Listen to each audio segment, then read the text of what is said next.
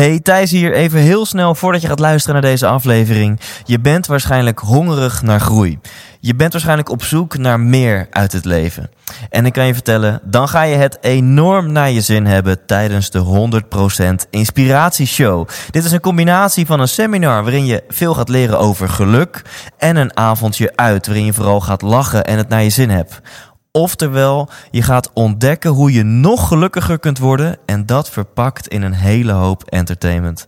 Kaarten, die kun je kopen op thijslindhout.nl.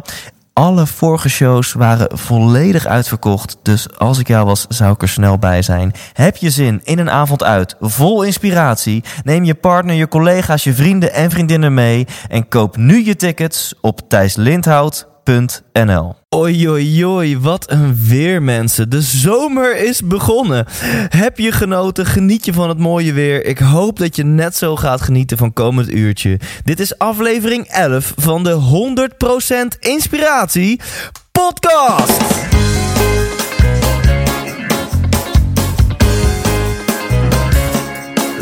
Hey, wat goed dat je luistert. Hij staat weer voor je klaar. Je wekelijkse dosis inspiratie is weer daar. De allerleukste gasten geven al hun kennis prijs. Met je veel te blije host, hij praat je bij. Zijn naam is Thijs.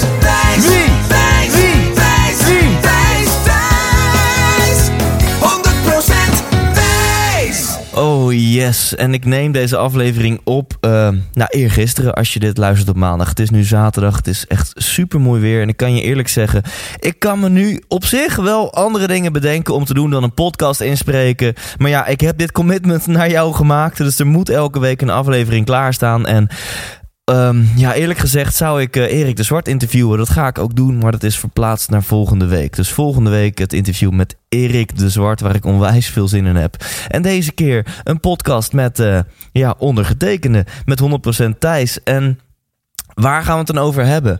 Um, ik heb het gehad over succes. We hebben het veel gehad over met Jos Burgers over gunnen. Met André Kuipers over het realiseren van je dromen. Met Bas Eurlings over het leven. Over je tijd besteden aan, aan het leven. In plaats van aan dingen die minder belangrijk zijn. We hebben het gehad met Um, Remco Klaassen over je kwispelstaart. Waar krijg je energie van? Waar ga jij van kwispelen? En in deze aflevering ga ik het kort met je hebben over een ander onderwerp. Wat misschien wel het allerbelangrijkste onderdeel van je leven is. En dat is liefde en relaties. Dus dit is de, de romance aflevering van de 100% Inspiratie podcast. En ik denk dat dit um, ik denk dat dit wel het meest belangrijke gebied is van allemaal. Ik durf een statement te maken, ik durf een claim te maken en dat is de volgende. Als jij succesvol bent in je carrière, maar je bent niet, of laat ik zeggen, je bent gelukkig in je carrière, maar je bent niet gelukkig in jouw liefdesleven, dan denk ik dat het netto resultaat van jouw leven is dat je niet gelukkig bent. Ben jij niet gelukkig in jouw carrière, maar je bent wel gelukkig in je liefdesleven, dan denk ik dat het netto resultaat van jouw leven nog wel boven een 6 ligt. Dan denk ik dat jij best wel gelukkig bent. En daarom is dit zo extreem belangrijk. Alleen het is ook extreem moeilijk. Het is gewoon wat moeilijker om je te focussen op je, je liefdesleven, op je relatie, of als je vrijgezel bent, op het vinden van die droomman of vrouw. Dat is, weet je wel, het is veel minder tastbaar. Het is veel tastbaarder om je te focussen op je, op je lichaam, om je te focussen op je carrière of, of op andere gebieden. Dat, dat, dat lijkt alsof je daar veel meer controle op hebt. Um, maar er zijn ook zeker dingen die jij kunt doen uh, uh, om je relatie een stukje mooier te maken. Uh, wat ga ik dan doen in, in deze aflevering? Ik kan je één ding vertellen. Ik ben absoluut geen goeroe op het gebied van um, laat ik zeggen, liefde en relaties, liefde en seks. Um, dus ik, ik kan nu niet het 10-stappenplan naar uh, de relatie van je dromen met je delen. Wat ik wel met je kan delen is de succesverhalen, maar ook zeker de fuck-ups uit mijn eigen leven. En uh, zoals je inmiddels wellicht weet, als ik ergens naar op zoek ga, dan vlieg ik volledig uit de bocht. Dus ook bij het op zoek gaan naar wat voor mij liefde betekent, uh, hoe mijn ideale relatie eruit ziet, ook op dat gebied ben ik volledig uit de bocht gevlogen. Zowel richting nou, laat ik zeggen, de Casanova-kant met, met vrouwen versieren, puur om het versieren, tot aan uh, seminars over hoe belangrijk liefde voor je is en alles ertussenin. Dat ga ik in een half uurtje voor je samenvatten. En onthoud, dit gaat dus niet over mij. Dit gaat over jou. Uh, luister naar mijn fuck-ups, luister naar mijn successen. Misschien kun je af en toe een keertje lachen, maar onthoud, lachen is altijd een blijk van, uh, van herkenning. En um, je onderbewuste die gaat wel aan de slag met uh, wat dit voor jou kan betekenen. Dat kan je niet tegenhouden. Dat gebeurt, dat gebeurt automatisch. Als je een verhaal hoort over iemand anders, gaat jouw onderbewuste meteen aan de slag met jouw eigen referentiekader. Met wat, wat jouw eigen herkenning is. Uh, um, nou, van dit verhaal. En ik hoop dat je onderbewust dus lekker aan de slag gaat uh, komende aflevering. En misschien dat je aan het einde ook wel bewust denkt van... oké, die, uh, die Thijs die, uh, die maakt wel wat, wat grappen en wat gekke verhalen... wat hij allemaal zelf heeft meegemaakt. Maar weet je, ik ben wel tot nadenken gezet. Misschien moet ik mijn liefje wat meer aandacht geven. Misschien moet ik daar wat meer focus op leggen. Nou, dat zou, dat zou mijn allergrootste wens, mijn allergrootste droom van deze aflevering zijn. Dat, uh, ja, dat je tot nadenken bent gezet en dat je een aantal dingen wat anders gaat doen. Waardoor je op dit gebied uh, ja, meer gaat genieten, uh, meer, meer gaat leven. Dus onderschat dit gebied niet. Ga ervoor zitten. Luister deze aflevering. En ik hoor heel graag jouw persoonlijke verhalen. Geniet intens. 100% wijs! Denk eens na. Hoe sta jij tegenover liefde en seks? Wat is jouw ideale beeld op dit gebied? Um, hoe ziet jouw droomman of jouw droomvrouw eruit? Hoe ziet jouw ideale relatie eruit? Neem eens een momentje om dat beeld eventjes in je hoofd te nemen. Sta er kort bij stil. Um, stel dat alles kon. Stel dat je op dit gebied niet kon falen. Wat, wat zou je dan doen? Hoe zou je leven er dan uitzien? Met, met wat voor liefje, met wat voor fantastisch persoon zou jij je leven delen? Hoeveel aandacht zouden jullie elkaar geven? Hoe vaak zouden jullie seks hebben? En wat voor seks? Ja, denk er niet te lang over na, want we moeten ook gewoon weer verder met deze, met deze aflevering. Um, voor mijzelf en ja, ik, ik wilde dit zo lang mogelijk uitstellen. Maar ja, ik moet het, het, moest er toch gewoon een keer van komen. Um, laat ik zeggen, uh, um, in mijn puberteit begon een beetje mijn, mijn Stifler-periode. En um, als je Stifler niet kent, even heel kort. American Pie films, sowieso trouwens een van de, de gaafste films die er zijn. Er zijn inmiddels negen delen. Mijn kinderen die moeten verplicht, als zij, uh, ik denk de dertien zijn gepasseerd... naar de hele negen DVD-box van American Pie kijken. En um, een van de hoofdkarakters in die film, dat is Stifler. En Stifler is nou, een onwijze Casanova. Het is ook een beetje een eikel, uiteraard uiteindelijk met een klein hartje. Maar het is een enorme Casanova. Zijn leven gaat om vrouwen versieren. Um, dus zo zou ik mezelf een beetje kunnen samenvatten in mijn puberteit. Ik was, ik was nogal een, een stifler en... Ik had altijd zo'n zo'n stemmetje in mijn achterhoofd van... ik moet zoveel vrouwen hebben gedaan voordat ik me ga settelen. Of sterker nog, ooit settelen leek me vrij onwaarschijnlijk. Ik kon me gewoon niet voorstellen dat, dat ik er ooit de keuze zou maken... om de rest van mijn leven met, met, met met één, en met één vrouw te zijn. Samenwonen al, dat, dat leek me echt de hel op aarde. En nogmaals, ik heb het nu over een tijdje geleden. Over, uh, nou, laat ik zeggen, mijn, uh, mijn tienerjaren. En ik had echt wel af en toe een vriendin. Um, maar als zij begon over de toekomst, oh, dan bevroor ik. Dat, dat, dat, dan stopte mijn hart met kloppen, stopte ik met ademhalen. En dat, dat, daar kon ik gewoon niet over nadenken. Dat vond ik doodeng. Um, en nou, bijvoorbeeld mijn, mijn laatste relatie voor mijn, uh, mijn huidige relatie, mijn huidige vriendin, die, die bestond uit, uit drie fases. En waarom vertel ik je dit? Mogelijk zitten hier wat herkenningspunten in uh, voor jezelf. En uh, die, die eerste fase was extreme verliefdheid. En daarmee gepaard ging voor mij ook extreme jaloezie. Ik had geloof ik nog wat oud pijn van de relatie daarvoor. Um, en, en, en ik werd extreem jaloers. Als mijn meisje eigenlijk elk moment dat ik niet bij haar was, dat trok ik super slecht. En als ze gewoon op, op school was of met vriendinnen, ging het wel oké. Maar als ik wist dat ze ook met jongens was, zaten er jongens in haar projectgroep, of was ze met uh, een aantal van haar vrienden aan het afspreken, of ging ze met vriendinnen, ging ze uit waar ik niet bij was, dan werd ik helemaal gek. Dus niet echt gezond. Leuk dat er zoveel, uh, zoveel liefde en verliefdheid is. Maar mijn hele leven draaide om haar. Ik wilde elk moment bij haar zijn. Ik zag mijn vrienden niet meer. Uh, ik wilde haar ook bijna verbieden om bepaalde dingen te doen. Uh, niet gezond.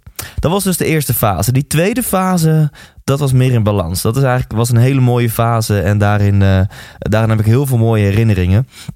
En die derde fase, dat werd het tegenovergestelde van de eerste fase. Ik weet niet wat er in mij gebeurd was, maar ergens was ik zo gefocust op mezelf, op mijn eigen doelen, op mijn eigen missie, op mijn eigen leven, dat mijn vriendinnetje echt op, op de laatste plek kwam. Ik denk op plek vier of vijf of zo.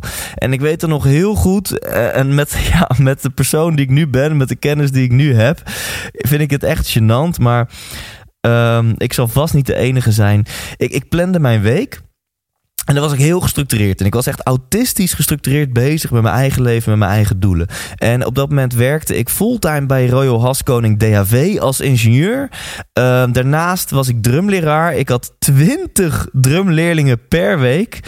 Um, daarnaast wilde ik ook nog eens zelf zo'n twee uur per dag drummen om mezelf een betere drummer te worden. Ik wilde drie keer per week hardlopen. Ik wilde uh, krachttraining doen. En um, ik wilde een boek per week uitlezen. Nou, dat was dus mijn leven. En dat plande ik dan allemaal zo in mijn week. En daarbovenop wilde ik ook nog met een aantal interessante mensen, met, met uh, interessante peers afspreken om mezelf uit te dagen om meer te groeien. Uh, ik was ook bezig om, om mijn eigen carrière als spreker van de grond te krijgen. En dat propte ik dan allemaal zo in mijn week. En dan liet ik mijn weekschema aan mijn vriendinnetje zien. En dan zei ik: Kijk eens, schat. Uh, dinsdagmiddag is er nog één plekje voor jou. En verder eigenlijk uh, ja, niet. En dan wilde zij minimaal één dag per week. Of minimaal twee avonden per week. Echt quality time samen zijn. En dat vond ik Oh, ik schaam me nu zo dat, ik er toen zo in stond. Maar goed, vond ik de grootste onzin. Um, of in ieder geval, ik had zoiets van... natuurlijk wil ik tijd met je besteden... maar kijk eens naar mijn planningsschat. Er is geen gaatje meer, dus wat wil je nou wat ik doe? Um, en uh, ja, het zal je niet verbazen. Uiteindelijk is die relatie ook, uh, ook uh, ja, geëindigd ooit. En, en terecht. Want zo, ja, zo'n vriendje als ik toen was, dat, dat verdiende zij echt totaal niet. Dus ja, Thijs was weer vrijgezel. En ik denk dat ik nu een jaartje of wat ik veel 21, 22 was. En toen ben ik helemaal uit de bocht gevlogen met um, versierboeken. Uh, ik had inmiddels een overtuiging dat je alles kan leren als je wil leren tennissen. Hè, dat gebruik ik vaak als voorbeeld. Um, neem dan niet les van de lokale held, van, de, van die, uh, die tennisschool om de hoek. Maar neem les van de, als het eventjes kan, van de topper, van een Richard Krajicek. En dan ga je heel veel tijd besparen. Het lukt jezelf ook wel. Hier heb je een tennisracket. Succes. Waarschijnlijk binnen een jaartje of tien heb jij uitgevogeld wat de beste grip is. De beste manier om dat racket vast houden. Je kan het ook eventjes vragen aan Richard Krajicek. Dan weet je het in vijf minuten. Uh, dat is een stukje efficiënter en dan ga je sneller de resultaten behalen die je wil. Um, dus dit is los van je relatie, los van vrouwen versieren, is dit sowieso een waardevol inzicht. Tot op de dag van vandaag doe ik dit nog steeds. Als je iets wil leren, wees niet eigenwijs. Vind niet zelf het wiel uit. Zoek mensen op die zijn waar jij wil zijn, die de de, de shortcuts al weten, die de technieken, de inzichten uh, beheersen, bevatten, die jou gewoon jaren van jouw tijd kunnen besparen. Alsjeblieft, als er één ding is wat je mee kan nemen van deze aflevering, laat dat het alsjeblieft zijn. Dat uh, is extreem verstandig om te doen als jij sneller wilt bereiken. Um, ja, wat jij ook wilt bereiken met je leven. Anyway, dat deed ik toen dus ook op het gebied van vrouwen versieren. Ik ontdekte dat je dingen als tennissen, uh, uh, dat, dat je niet alleen dat soort dingen kan leren, maar dat je ook sociale vaardigheden kan leren. Dat je er ook beter in kan worden. En um, nou, een van die sociale vaardigheden is dus vrouwen versieren. En heren, wellicht herken je dit. En dames, ja luister gewoon hoe, hoe, kansloos wij mannen kunnen zijn. Er is een hele wereld van versierboeken. Een bekend boek heet The Game, maar je hebt ook The Mystery Method en je hebt er nog, nog veel meer. Dit, zijn, dit is een hele subcultuur geworden. Dit zijn mannen die hebben tot een kunst verheven om vrouwen in bed te krijgen. Die hebben er een wetenschap van gemaakt wat je kunt doen om, om een vrouw te versieren. En uh, nou, dat was op dat moment een van mijn doelen in het leven. Dus ik denk, ik, uh, ik duik die boeken in. En Och, ik weet nog zo goed dat ik op Ibiza was. Ik, ik was ontzettend overwerkt. Ik had net mijn eigen bedrijf gestart. Ik was gestrest, misschien wel overspannen. Ik ging naar Ibiza. En eh, een week lang in mijn eentje zie het even voor je, hè? in mijn eentje naar Ibiza. Ehm, met het boek The Game van Neil Strauss onder mijn arm. Dat boek lezen. En lag ik daar op het strand. En dan had ik net wat, wat routines, wat tips gelezen. En dan zocht ik wat vrouwen op die bij mij in de buurt lagen. En echt, mijn hart klopte naar mijn borstkas. En dan stapte ik ze op, ze af. En dan probeerde ik die routine op hun, uh, op hun uit te voeren. En om te kijken of ik hun nummer kon, kon regelen. Um, en ik, ik wil één ding wil ik met je delen voordat ik verder ga. Want eh, hier ben ik niet gestrand. Uiteindelijk heb ik ook wat nieuwe inzichten opgedaan over, uh, over liefde en intimiteit in het leven. Maar ik wil je één ding wil ik je vertellen, want dit is leuk en dit gaat ook verder dan, uh, dan versieren. En is interessant om, uh, om eventjes te leren. En dat is dat ik heb ontdekt dat er um, drie soorten mannen zijn. En ja, ik, ik hoor nu gewoon sommige dames denken, nou drie soorten vind ik wel erg veel. Volgens mij zijn alle mannen hetzelfde. Ja, nee, in deze theorie zijn er drie soorten mannen. En um, uh, mannen, als je luistert, let nog beter op en check even in welke categorie jij valt. valt. Um, allereerst heb je de, de alfa-man. En de alfa-man, dat is iemand die en de naam zegt het al, die uh, goed gebekt is, heeft geen moeite om te praten, die durft grapjes te maken. De alfaman heeft een aantal grote voordelen. Een heel belangrijk voordeel als je het hebt in het versierproces. Een alfaman die durft op een vrouw of op een groepje vrouwen af te stappen. En ik kan je vertellen dat is een vrij essentieel onderdeel in het versieren van een vrouw. Dus een alfaman heeft dat als groot voordeel. Die vindt het ook niet erg als de aandacht op hem gevestigd is. Die durft grapjes te maken. Is, is gewoon in control, is in zijn comfort uh, om dat soort dingen te doen.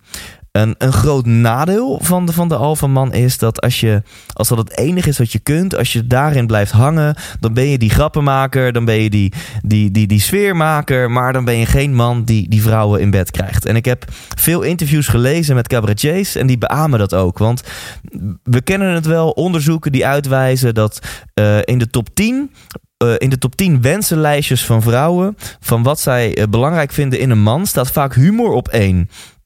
Um, en in de interviews met cabaretiers die ik heb gelezen, wordt dan ook zo'n vraag gesteld: van nou ja, humor heb je, dus uh, jij hebt waarschijnlijk uh, om elke vinger een aantal vrouwen. En dan geven ze vaak als antwoord: uh, ja, nee.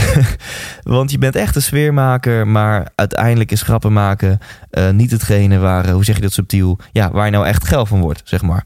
Oké, we gaan door. Je hebt een tweede soort man. Uh, en wellicht past dit beter bij je. Dus check eventjes in welke categorie jij, uh, jij valt. Of in welke categorie mannen in jouw omgeving vallen. Voor, uh, voor de vrouwelijke luisteraars. En die tweede soort, dat is de, de comfortman. En de comfortman vindt dat wat die alfaman doet maar eng. Dat, dat is zeker uit de comfort van de comfortman. Maar wat de comfortman heel goed kan, is één op één gesprekken. En dan, dan weet hij goede vragen te stellen, interesse te tonen. Uh, uh, scherp te zijn, dingen te onthouden, de vrouw op haar gemak te stellen. Dus dat is een heel groot voordeel van de comfortman. De vrouw voelt zich gehoord, kan lekker over zichzelf praten. Um, nou, en dat zijn. Uh, er ontstaat gewoon een leuk gesprek. De, de comfortman kan een connectie op, op gang brengen. Die kan een, een, een connectie voelen en, en dat. Nou, ontstaat een connectie. Je begrijpt wat ik bedoel. En een belangrijk nadeel echter van die comfortman is, nou, als jij in je uh, in deze modus blijft hangen, voor je het weet, ben je alleen maar die jongen voor een goed gesprek. En mogelijk herken je dit. Het ergste wat je als comfortman kan overkomen, is dat een vrouw een keer tegen je zegt van, oh, wij hebben zo'n connectie. Ik kan zo goed met jou praten. Je bent als een soort van broertje van me. Oh, oké. Nou, en als je dat hoort, dan weet je echt, oké, pak je spullen en ga. Um, ik kan nog bevestigen, nog ontkennen dat ik die zin wel eens heb, heb gehoord. Uh, en dan gaan we door. Categorie 3. Dus één was de alfaman. Twee is de comfortman. Je hebt nog een derde categorie. En dat is de verleider. En de verleider is een man, ja, die, uh, die houdt van versieren. Dat, dat, dat is zijn natuurlijke habitat. Een groot voordeel is dus dat de verleider niet bang is om uh, handtastelijk te worden. Om een beetje schunnige, verleidelijke opmerkingen te maken. Het randje op te zoeken. Een nadeel van de verleider is dat... Ja, dat werkt niet zomaar. Je moet natuurlijk wel eerst een connectie met een vrouw hebben voordat je... Uh, uh, weet ik veel, half geil een kroeg in kan lopen en, en denkt dat je vrouw mee naar huis kunt nemen. Oei, oei, oei, dit wordt wel bijna een, hele ranzige podcast zo. Geloof me, blijf luisteren, uh, want dit eindigt romantisch. Dit is, we zitten in mijn levensverhaal, dus dit was zeg maar ergens in mijn, uh, mijn tien, begin twintiger jaren was, was dit uh, mijn focus. En ik hoop dat je het nog leuk vindt. en luister anders van even door. We eindigen romantisch in deze uitzending, dat kan ik je beloven. Um, waarom vertel ik dit nou? Wat is nu volgens die versierboeken zeg maar de crux, de essentie? Um, en dat is je moet niet één van de drie zijn. Je voorkeur ligt bij één van de drie. In, in jouw natuur ben je het meest alfaman of het meest comfortman of het meest een verleider. Uh, maar de, uh, de essentie is dat je ze alle drie moet kunnen zijn en ook in deze volgorde. En ik, ik, zal een voorbeeldje noemen en het wordt nog erger. Ik zal ook de, het jargon van, van de versierkunstenaars, van de pick-up artists, uh, zal ik gebruiken. Dus dat houdt in, je begint als alfaman. Je stapt een kroeg binnen, je ziet een groepje dames. Uh, dat heet trouwens een set. Dus één of meerdere vrouwen, dat noem je een set. En die set moet je openen. Dus als alfaman kun je die set openen. En daar sta je te praten, je introduceert jezelf, je bent al, al snel de, de sfeermaker. En een van de dames waar jij een, uh, je, een oogje op hebt, die ga je neggen. En wat is nou neggen? En neggen is dat je wat kritische opmerkingen richting haar maakt. Richting haar maakt. Dat je er mogelijk uh, nou, belachelijk, niet belachelijk maakt, maar dat je, dat je eigenlijk laat weten van. Uh, uh, ik ben niet super geïnteresseerd in jou. En waarom is dat nou zo belangrijk? Omdat een mooie vrouw, als zij op stap gaat, wordt ze wel 10, 20 keer aangesproken door mannen. En die allemaal hetzelfde doen. Die prijzen haar de hemel in, bieden haar een drankje aan. Als jij een van die 20 bent, zijn jouw kansen kansloos. Een mooie vrouw is wat minder gewend om wat. Uh, hoe zeg je dat? Om wat wrijving te voelen. Om een, stukje hard-to-getheid te voelen. Dat is misschien alleen gewend van de, de, mannen in haar leven waar ze heel dichtbij staat. Misschien een broer of haar vader bijvoorbeeld. Dus um, een nek kan bijvoorbeeld zijn, dat is wel een hele, een hele harde ook meteen, dat je tegen een vrouw zegt: hey, wat ik belangrijk vind uh, in, een, in een vrouw, mijn ideale vrouw bezit drie, drie eigenschappen. Dat is dat ze bloedmooi is, dat ze spiritueel is en dat ze intelligent is. Nou, jij hebt in elk geval één van die drie, maar hoe zit het met die andere twee? Op het moment dat je dat zegt, dan disqualificeer je haar meteen als zijnde de perfecte vrouw, alleen maar omdat ze er mooi uitziet. En je daagt haar uit om zichzelf te gaan verkopen op die andere twee gebieden. Nou, dat heet dus neggen. Uh, stel na een tijdje voel je uh, dat je uh, verder wil samen met, met deze dame, dan moet je haar isolaten. Uh, jongens, ik heb het ook niet bedacht, zo noemen ze dat. Wat houdt isolaten in? Het meisje waar je een oogje op hebt, die, die wil je één op één uh, uh, zien te krijgen. Nou, dus dat doe je. En vervolgens begin je in de comfortman. Dan moet je de connectie aangaan. En uiteindelijk tel je de IOI's. Wat zijn IOI's? Dat zijn indicators of interest. Een IOI is bijvoorbeeld als zij met haar haar speelt of als ze uh, lacht om grapjes die eigenlijk helemaal niet grappig zijn. En na drie IOI's weet je dat je verder kan naar de volgende stap. En dan kun je overgaan op kino. En kino, dat is dus echt wat de, de versierder doet. Dat is uh, jargon voor aanrakingen. Dus een beetje aan de haar zitten, misschien een beetje dansen, et cetera. En weet ik veel, uiteindelijk kan je misschien deze avond uh, bezegelen met een kus of zoiets. Oké, okay, um, je doet er maar mee wat je wil met deze informatie. En uh, ik zelf ben een extreme comfortman. Soms denken mensen dat ik een extreme alfaman ben, maar echt mijn natuurlijke habitat is meer die comfortman. En ik zocht altijd naar een stukje uh, lijm tussen zeg maar. Uh, dat je in een connectie zit met een vrouw, dat ik volledig in mijn comfortman-modus zit, naar de avond bezegelen met een kus. Dus een stukje lijm tussen comfortman naar versierder. En gelukkig en tegelijkertijd ook kansloos genoeg staan er in die versierboekjes heel veel vast omlijnde routines. En routines zijn letterlijke stukken tekst die je uit je hoofd kunt leren, of letterlijke dingen die je uit je hoofd kunt leren, die blijkbaar 9 van de 10 keer succes hebben. En dit is niet mijn stijl, uh, maar het gaat zo ver dat bepaalde mannen hebben zoveel routines uit hun hoofd geleerd dat ze hele gesprekken van wel drie kwartier met vrouwen kunnen voeren. Gebaseerd op routines. 0% authenticiteit. Dat is trouwens ook de reden waarom ik denk dat deze tips misschien wel werken voor een avondje, maar niet voor het vinden van jouw droomman of vrouw. Maar uh, ja, ik had behoefte aan een routine, een stukje lijm tussen de comfortmodus naar meer uh, um, ja, het, het versierachtige. En uh, de volgende routine heb ik een keer getest. En die heb ik gewoon letterlijk uit zijn boekje geplukt. Ik had een, een date in Amsterdam. We waren op heel veel plekken geweest. Had trouwens ook gewoon geleerd in zo'n versierboekje. Want ze zeiden ja, als je op één avond op vijf of zes verschillende plekken komt. In een kroeg en een eetentje en nog een kroeg en daar. Dan uh, krijg je onderbewust het gevoel alsof je elkaar al heel goed kent. Want je kent diegene in heel veel verschillende contexten. Dus aan, aan het einde van die date zei ze ook tegen mij: Oh, Thijs, ik heb het gevoel dat we elkaar al heel lang kennen. Ik zei: Oh ja, ik ook. Hoe zou dat nou komen? En um, we stonden op het station. Ik zou haar afzetten op de trein. En, uh, maar ja, nog steeds niet gezoomd. Die hele fucking date in de comfortmodus gehangen. En nou, comfortmannen die luisteren, waarschijnlijk herken je dit. Dames, misschien herken je dit ook. Dat je denkt, zoom me nou, ik vind je leuk, maar er komt geen move. En toen dacht ik, oké Thijs, het is tijd om je ballen bij elkaar te rapen. En, en doe nu eens die routine. Kom op, je gaat hem gewoon doen. En um, uh, ja, ik, ik heb hem gedaan. Dit is te gênant voor woorden.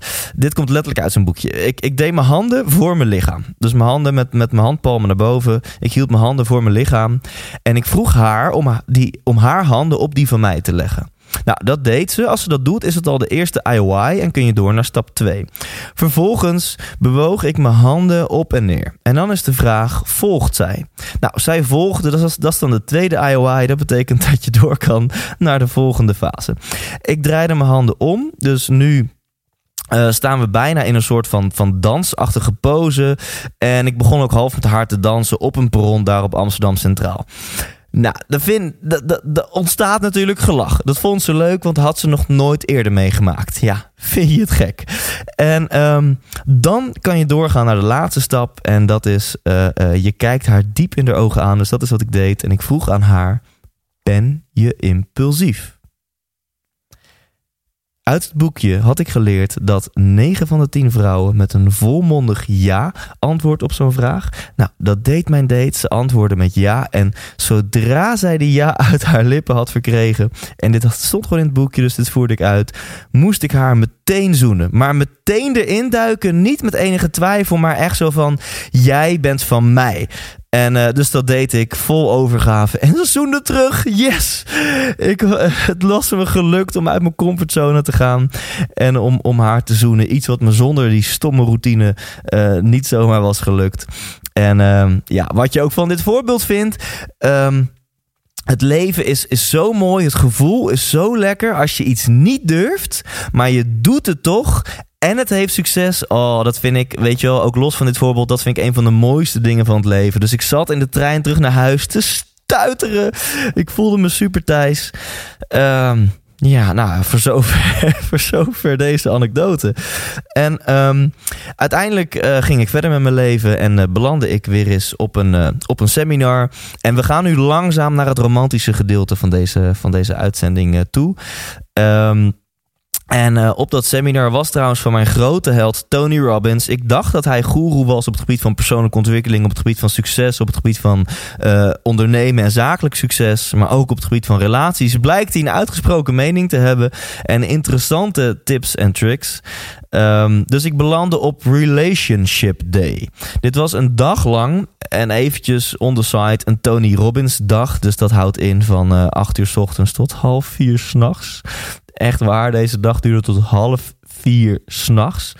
Um, en op die dag werd alles voor mij duidelijk. Echt waar. Ik wist niet dat je op het gebied van relaties. dat er ook bepaalde natuurwetten voor gelden.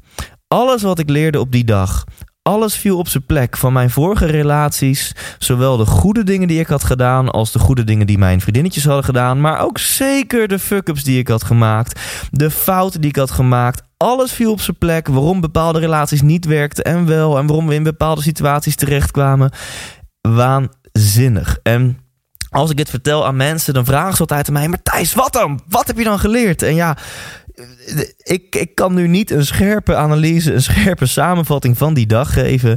Ik kan je wel twee dingen noemen waar het onder andere over ging. Geloof me, Tony Robbins legt het beter uit dan ik. Maar dit zijn twee dingen die ik heb meegenomen en die ik tot op de dag van vandaag ook uh, verwerk in mijn, in mijn uh, huidige relatie. En ik ben ervan overtuigd dat mijn huidige relatie ook um, ja, mijn laatste relatie is. Want wij gaan gewoon voor de rest van ons leven samen blijven. Om alvast een uh, sneak preview te geven naar uh, het romantische einde van deze aflevering. En wat zijn dan die twee dingen? Luister. implementeer, let op, schrijf mee. Want dit is extreem belangrijk en life-changing. Het eerste wat ik leerde is dat je kunt alleen een succesvolle relatie hebben als je die ander op één zet. En we leren wel eens, je moet jezelf op één zetten. En ik heb ineens geleerd, je moet de ander op één zetten. En de grap is, als die ander ook jou op één zet, dan sta je nog steeds op één. Maar niet bij jezelf, maar bij die ander. Dus zet elkaar op één.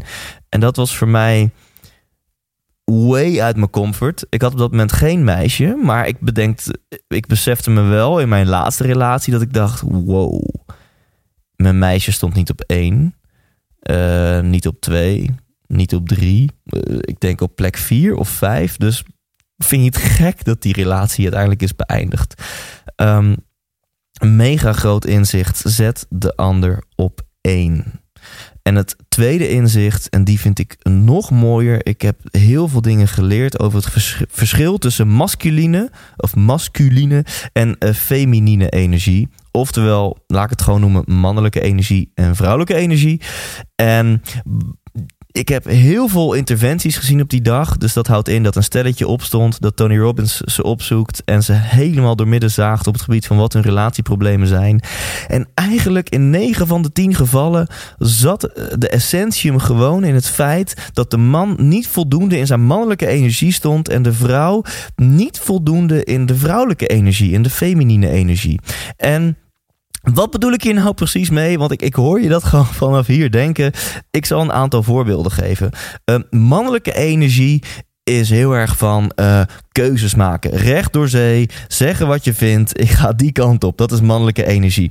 Vrouwelijke energie is meer uh, um, dansen de, om de feiten, uh, praten over je problemen. Oh ja, dat is. Sorry, al praten, dan kom ik op een mooi voorbeeld. Als we het hebben over problemen uh, de mannelijke energie om met problemen om te gaan is door ze op te lossen. Dus uh, er komt een probleem op een man af, komt een oplossing uit. Nog een probleem, oplossing, probleem, oplossing.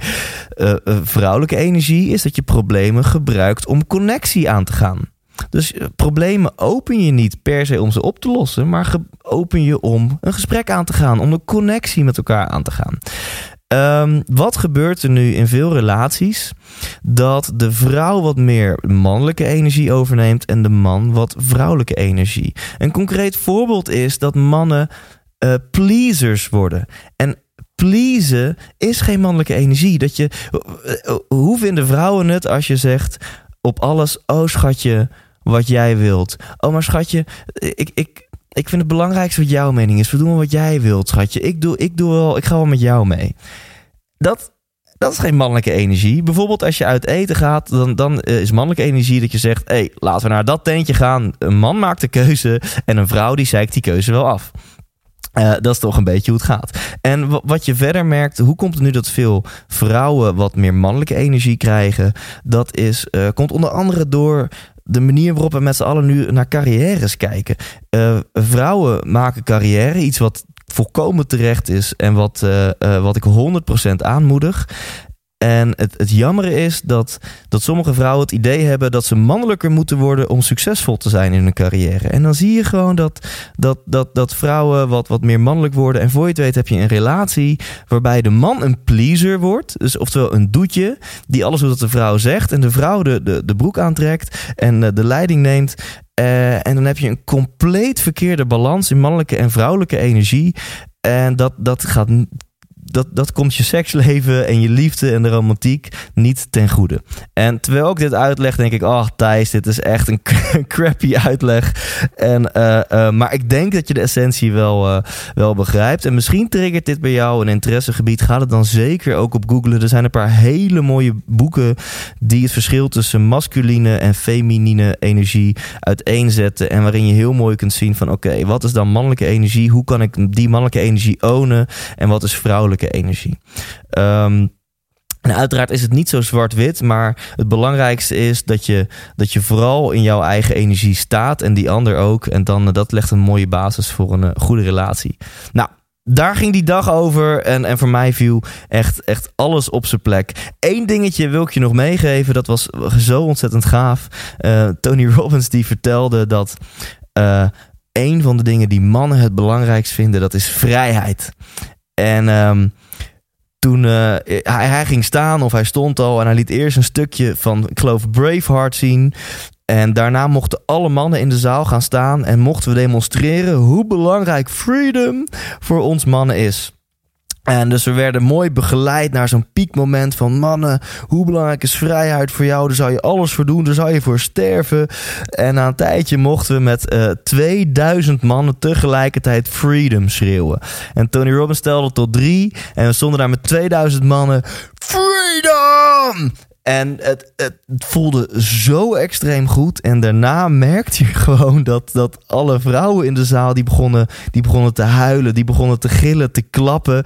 Zo overweldigend door 2000 man, ultieme masculine energie bij elkaar. En ik, ik weet ook nog zo goed dat een vriendinnetje van mij... nadat ze naar mij toe kwam van... Oh Thijs, dit heeft zoveel indruk op mij gemaakt. Eh, eh, mijn volgende vriendje, de man die in mijn leven komt... die ga ik echt alle vrijheid van de wereld geven. Want ze was, dat was zo hierdoor geraakt. Um, ja, dit was, was, een waanzinnige oefening. Ik krijg nog steeds kippenvel als ik, daar, uh, als ik daarover nadenk. En een van de belangrijkste dingen die ik uiteindelijk heb geleerd... en daarmee gaan we naar het einde van, van deze aflevering... van een stukje van mijn persoonlijke fuck-ups en succesverhalen. Uh, en onthoud dit heel goed op het gebied van je relatie is het heel belangrijk om focus te hebben. Het klinkt wat raar, want je bent gewend om focus te hebben op het gebied van, van je carrière. Je bent gewend om dat te plannen. Maar ook je relatie, dat, daar kun je bepaalde focus op hebben. Kun je bepaalde dingen in plannen. Zoals Remco Klaassen, uh, mijn held Remco Klaassen vaak zegt...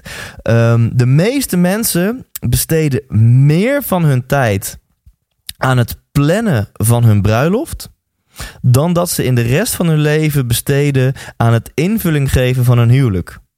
De meeste mensen besteden meer tijd aan het plannen van een huwelijk. Uh, sorry, het plannen van een bruiloft. dan het invulling geven van een huwelijk. En um, dat is helaas de realiteit. Bijna twee derde van de mensen die scheiden. En dat is, dat is niet nodig. Um, denk ik. Als je wat meer, wat meer focus hebt. En um, ik was op dat moment vrijgezel. Dus ik dacht: oké. Ik weet inmiddels best wel goed wie ik zelf ben. En ik, ik hou ook wel een beetje van mezelf. Ik denk trouwens dat dat heel belangrijk is als je jouw, uh, jouw droompartner wil vinden. Dat je begint bij jezelf. En um, in het vliegtuig terug ging ik opschrijven waar dan mijn droomvrouw aan moest voldoen. En ik maakte een heel lijstje. Weet je, ik, ik ging on a rant, zoals Tony Robbins zou zeggen. En het was een hele lijst van: oké, mijn droomvrouw ziet er dit uit. En met mijn ideale relatie ziet er zo uit. En uiteindelijk heb ik het samengevat in drie woorden. En dat was: Mijn droomvrouw is vrolijk, ze is schattig en ze heeft drive. En tegelijkertijd dacht ik: ja, dat is moeilijk om te vinden. Want veel vrouwen die vrolijk en schattig zijn, die zijn misschien iets te schattig en hebben niet zoveel drive. En veel vrouwen die drive hebben, hebben misschien iets te veel drive en zijn niet zo vrolijk en schattig. Maar goed, dat was voor mij, dat, dat was een samenvatting van mijn droomvrouw. Vrolijk, schattig en drive. En ja, geloof het of niet. Ik had deze focus. Ik had um, inmiddels ook voor mezelf een besluit gemaakt van oké, ik wil niet voor de rest van mijn leven een stifler zijn. Ik wil heel graag wil ik een meisje. Iemand die zielsveel van mij houdt en ik van haar. Iemand waarmee ik dingen kan delen. Iemand die meer van mijn leven af weet dan wie dan ook. Iemand die ik elke dag zie en spreek. Um, die, iemand die trots op mij kan zijn. Eh, dat ik trots op haar kan zijn. Dat we de beste versie van onszelf in elkaar naar boven kunnen halen. Uh, och, ik, ik was daar ineens zo ontzettend aan toe. En geloof het of niet. Binnen vier weken binnen vier weken nadat ik in het vliegtuig dit lijstje had opgeschreven en voor mezelf die focus had en voor mezelf die knop had omgezet, ontmoette ik ene Nadia. Ik ontmoette haar op een lezing die ik samen met mijn goede vriend uh, Sidney Brouwer gaf over uh, persoonlijk leiderschap. En uh, we zijn gaan daten en um, binnen drie maanden zijn we gaan samenwonen. Kun je nagaan. Samenwonen zag ik als de hel. En ineens wilde ik binnen drie maanden al met haar samenwonen. En, inmiddels zijn we tweeënhalf jaar um, bij elkaar. Dus dit, ja, uh, ik denk iets, een soort van hogere macht heeft het ons gegund of zo. Dat, dat we elkaar hebben gevonden. Dat vind ik zo mooi. En dat, dat gun ik echt iedereen. En de vraag is nu, heb ik het uitgespeeld? En het antwoord is volmondig nee. Want wat ik zojuist al zei, het is zo belangrijk om ook als je die relatie te hebt, om focus te houden. Een, een quote waar ik echt een hekel aan heb, maar die wel waar is, dat is, hoe noemen ze dat ook weer? Oh ja, een relatie is een werkwoord. Of zoiets. Nou, vind ik echt een verschrikkelijke quote, maar het is wel waar. Um, uh, als, je, als je er niet aan werkt, als je niet verdiept in de behoeftes van, van je partner, als je niet je best doet om diegene te verrassen, om diegene te geven wat hij of zij vraagt of verdient, dan gaat je relatie achteruit. En um, het is lastig, want je hebt er voor je gevoel minder controle op dan op andere gebieden.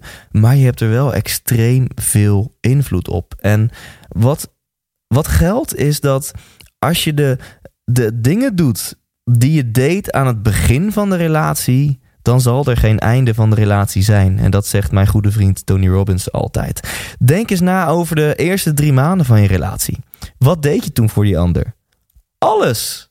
En hoeveel passie was er in de eerste drie maanden van je relatie? Heel veel. Hoeveel seks was er in de eerste drie maanden van je relatie? Heel veel. Hoe komt het dan dat je nu niet zoveel passie en seks hebt? En waarschijnlijk omdat je die ander niet meer zoveel aandacht geeft als dat je in die eerste drie maanden deed. Dus uh, ga er weer mee aan de slag. Een aantal concrete tips is uh, ontdek de, de love language van die ander. Er is trouwens een heel interessant boek, The Five Love Languages. En dat houdt in de manier waarop jij liefde geeft of de manier waarop jij liefde probeert te geven, hoeft niet per se de manier te zijn waarop die ander liefde ervaart. Uh, bijvoorbeeld de een ervaart liefde door fysiek contact. Het hoeft niet per se seks te zijn. Het kan ook gewoon knuffelen zijn, lekker tegen elkaar aanliggen. Um, mogelijk is dat jouw liefdestaal en geef jij dat die ander dus heel veel. Maar wellicht heeft die ander als liefdestaal um, uh, connectie of aandacht. En uh, op dat manier, uh, dan communiceer je dus volledig langs elkaar heen. Dus ontdek wat is de love language van die ander. Waar heeft mijn liefje, mijn schatje behoefte aan? Uh, plan verrassingen en uitjes. Besteed tijd en aandacht aan elkaar. Oftewel, zet die ander op één. Doe dit onvoorwaardelijk en Echt waar, je bedankt me later wel. Ik hoop dat je dit een, uh, een, een leuke, net iets andere uitzending vindt. En ik wil je echt, echt 100% vragen. Ga hiermee aan de slag en deel je persoonlijke verhalen. Dankjewel. 100% Yes, dat was aflevering 11 van de 100% Inspiratie Podcast. Uiteraard kun je op thijslindhout.nl slash 11 meer informatie hierover vinden. Check dat vooral. Check ook de 100% Thijs Lindhout Facebookpagina. Ik vind het stiekem super eng en spannend om een keer een iets andere aflevering te hebben uh, gemaakt. Waarin ik heel veel persoonlijke verhalen van mezelf deel. En daarom vind ik het extreem leuk om te horen. Wat vond je ervan? Laat een reactie achter op de 100% Thijs Lindhout Facebookpagina. Of schrijf een recensie hier in de podcast store. Ik vind het echt extreem leuk om de interactie aan te gaan met mijn luisteraars. Um, Bedankt wederom voor het luisteren. Volgende week een interview met Erik de Zwart. Dat zal wat minder over liefde gaan, wat minder over seks gaan en wat meer over keihard gas geven met je bedrijf, met je dromen. En um, ik heb er heel veel zin in. Tot dan en leef intens. Hey, wat leuk dat je hebt geluisterd naar deze aflevering. En als je het nog niet hebt gedaan, waar wacht je nog op? Ga nu naar thijslindhout.nl en koop je tickets voor de 100% Inspiratieshow. We gaan lachen, we gaan muziek maken en vooral gaan we samen op zoek naar geluk en succes. Neem je vrienden, je vriendinnen, je partner, je collega's mee. Koop nu je tickets op thijslindhout.nl